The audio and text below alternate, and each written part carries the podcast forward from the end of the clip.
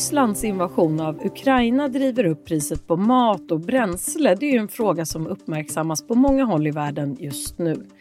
I dagens Studio DN tittar vi närmare på hur matkrisen drabbar Östafrika och hur Nairobibor i Kibera ser på läget. Välkommen, jag heter Ylke Holago. Och nu har jag med mig Erik Esbjörnsson, Dagens Nyheters Afrikakorrespondent. Hej Erik! Hej hej! Var är du just nu? Just nu är jag tillbaka i Johannesburg efter två veckors resa till Kenya.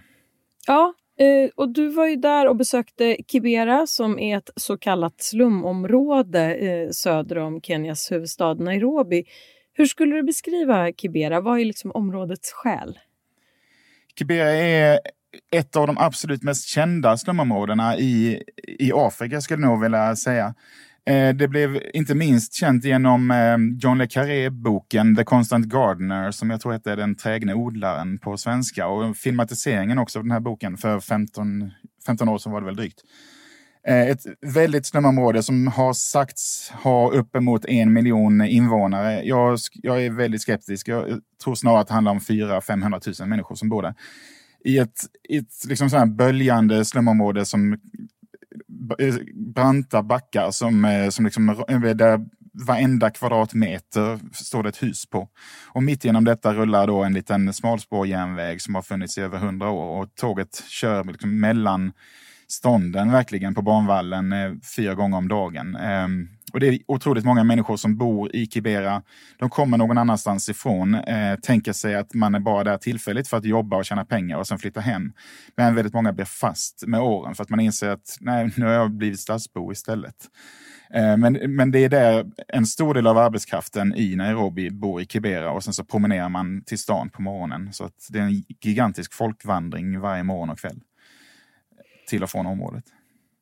En väldigt snabb och ovetenskaplig sökning som jag har gjort eh, visar att det är ungefär 8000 kilometer från Ukraina till Kenya och ändå så märks ju den matkris som har utlösts av Rysslands invasion i just Kibera till exempel. Hur, hur då? Kan du beskriva det där sambandet? Jag gick igenom, eh, jag gick runt en hel eftermiddag där och skapade en egen liten sån här varukorg som eh, de stora finansinstituten brukar använda för att mäta vet, inflation och köpkraft och så. Eh, och jag, jag, plock, jag frågade folk vad är liksom de fem viktigaste varorna som ni köper i butiken? Ehm, vetemjöl, majsmjöl, matlagningsolja, gas, grillkol också, kött. De, alltså väldigt grundläggande proviant och livsmedel.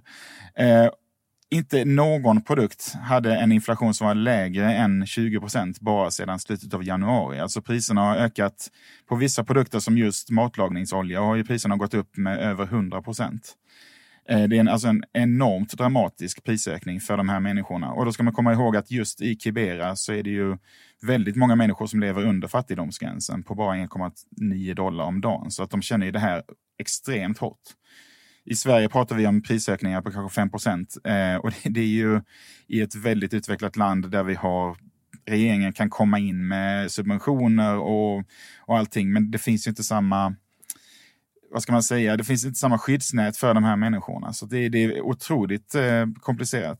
En kvinna som jag hade med i den här artikeln jag skrev häromveckan, Beatrice Kangala, hon berättade ju att liksom, eh, vad hon kunde lägga pengar på idag och sen frågade jag om imorgon och då sa hon att nej, imorgon blir det ingen mat alls. För har jag så lite pengar så måste jag lägga det på vatten åt mig och mina fyra barn som jag tar hand om. Och hur är kopplingen till den här prisökningen eh, till eh, Rysslands invasion av Ukraina? Vilka livsmedel är det som där det märks mest? Ja, dels så handlar det om allting eh, alltså, som produceras i Ryssland och Ukraina. Och vi har ju sett nu under liksom flera veckor att just vete och majsproduktionen och solrosolja så är de ju störst, alltså bland de största exportörerna, om inte de största. Men sen så har ju bränslepriset också nått rekordnivåer och det är ju ännu känsligare nästan. För att oavsett om det är krig i Ryssland och Ukraina, så, eller i Ukraina, så så kommer alltid oljepriset kännas omedelbart för man måste transportera produkterna. Eh, så att det är det de känner framför allt. Eh, men sen så när, när priserna går upp allmänt så det, det är globala marknader som de här varorna handlas på idag. Så att även den som kanske bara producerar för sin egen försörjning kan ju då sälja sin majs dyrare och kommer ta, upp, ta ut de här höga priserna. Så det spelar, det är liksom, eh, allting hänger ihop idag på ett annat sätt som det inte gjorde för kanske 20-30 år sedan när vi inte handlade lika mycket med varandra. Ja, jag ska dra en faktauppgift här från din artikel eh, efter, som du skrev i Dagens Nyheter efter ditt besök i Kibera. Av Östafrikas import av vete så kommer hela 72 procent från Ryssland och 18 procent från Ukraina, men nu räknar FNs livsmedelsprogram med att många ton vete och majs har fastnat i Ryssland och Ukraina och det här bidrar ju förstås också till prisökningen. Hur pratar Kiberabor som du har mött om situationen i Ukraina? Hur följer man eh, kriget? För, alltså för ett halvår sedan så var det, folk hade ju hört Ukraina, kanske sett eh, i sportsändningar och liknande och liksom fotbollsmatcher. Men annars, man hade ju knappt någon uppfattning om att Ukraina är ett, liksom, ett stort land i Europa. Man visste än mindre var det låg. Liksom. Men nu plötsligt så pratar ju alla om Ukraina hela tiden. Varenda, varenda samtal jag hade så nämnde folk Ukraina och vissa människor berättade ju utförligt också om hur det här hade uppstått och man liksom verkligen har satt, satt sig in i situationen. Sen så är det ju väldigt många som inte delar den svenska och europeiska bilden av vad som händer. För att Putins narrativ har ju också nått ut han har, till andra delar av världen. Så det är många som liksom säger att kan inte Ukraina bara ge upp de här områdena? Eller kanske Ukraina hade varit bättre om de var neutrala. Så man har liksom satt sig in i den här frågan politiskt eh, som, på väldigt kort tid. Vilket, eftersom att man förstår att det här uppenbarligen har kopplingar till vår vardag väl, på väldigt kort sikt.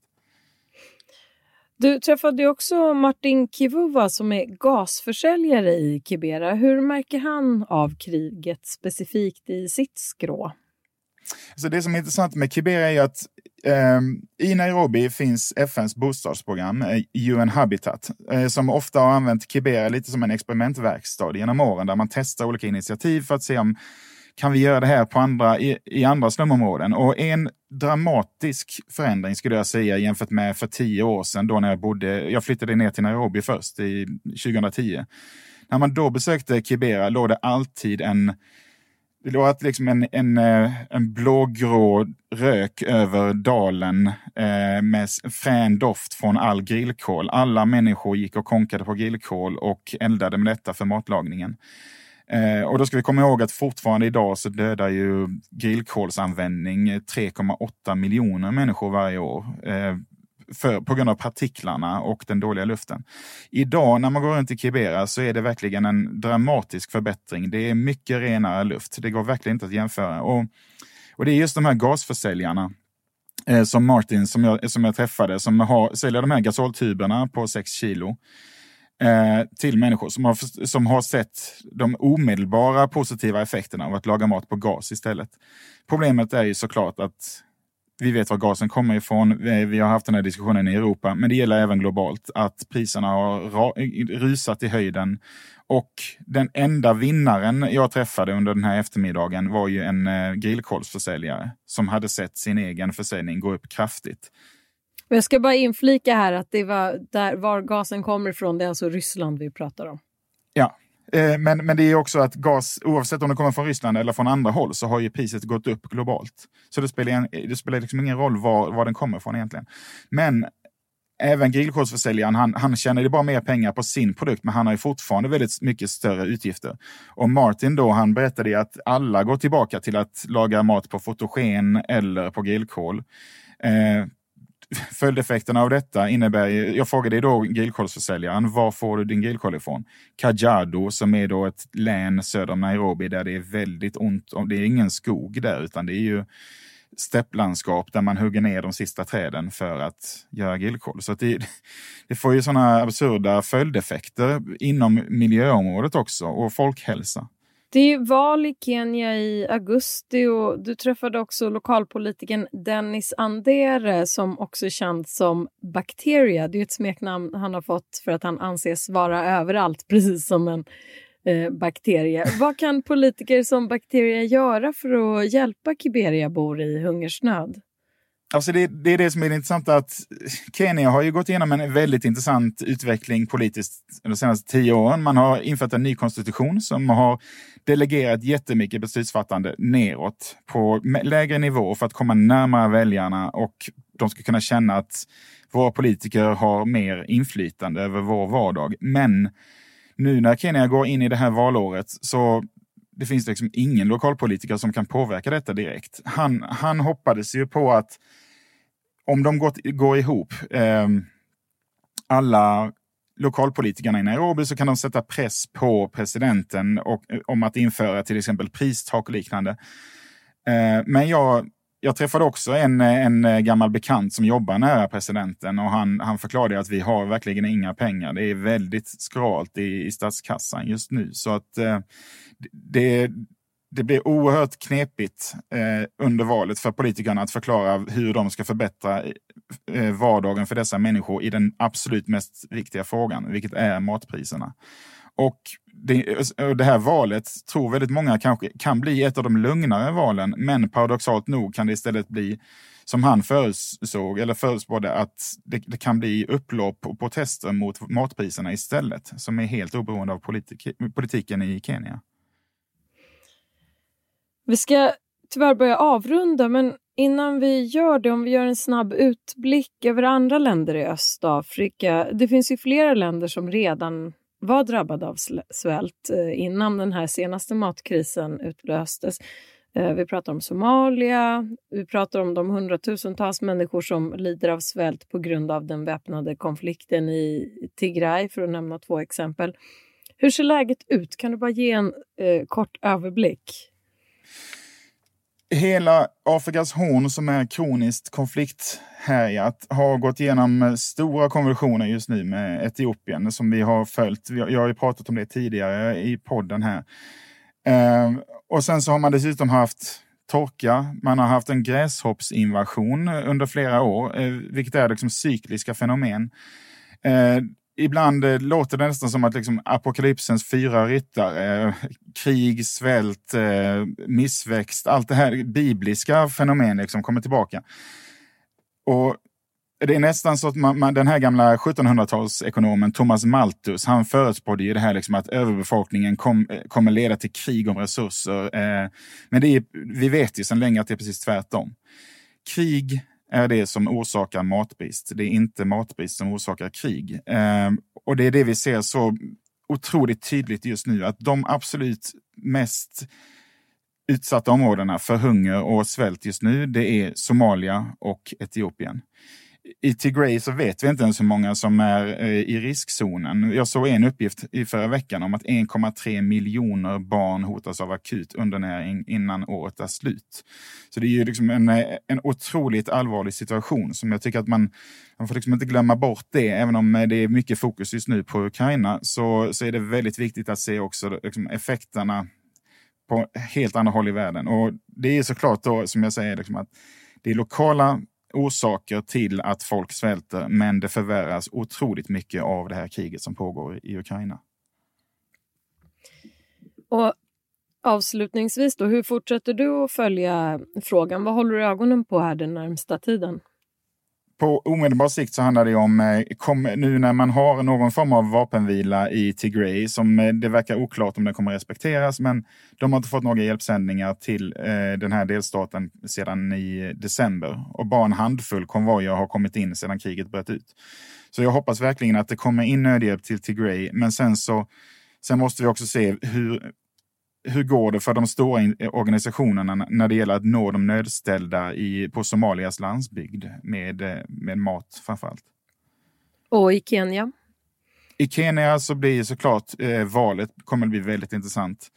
Eh, och, och, det kommer att bli intressant att se om kan de ställa om sin import av, kan, kan man liksom byta mat man konsumerar så att man hittar andra produkter, eh, bönor och liknande, eh, som kan, e- och ris som kan ersätta just eh, majs och vete.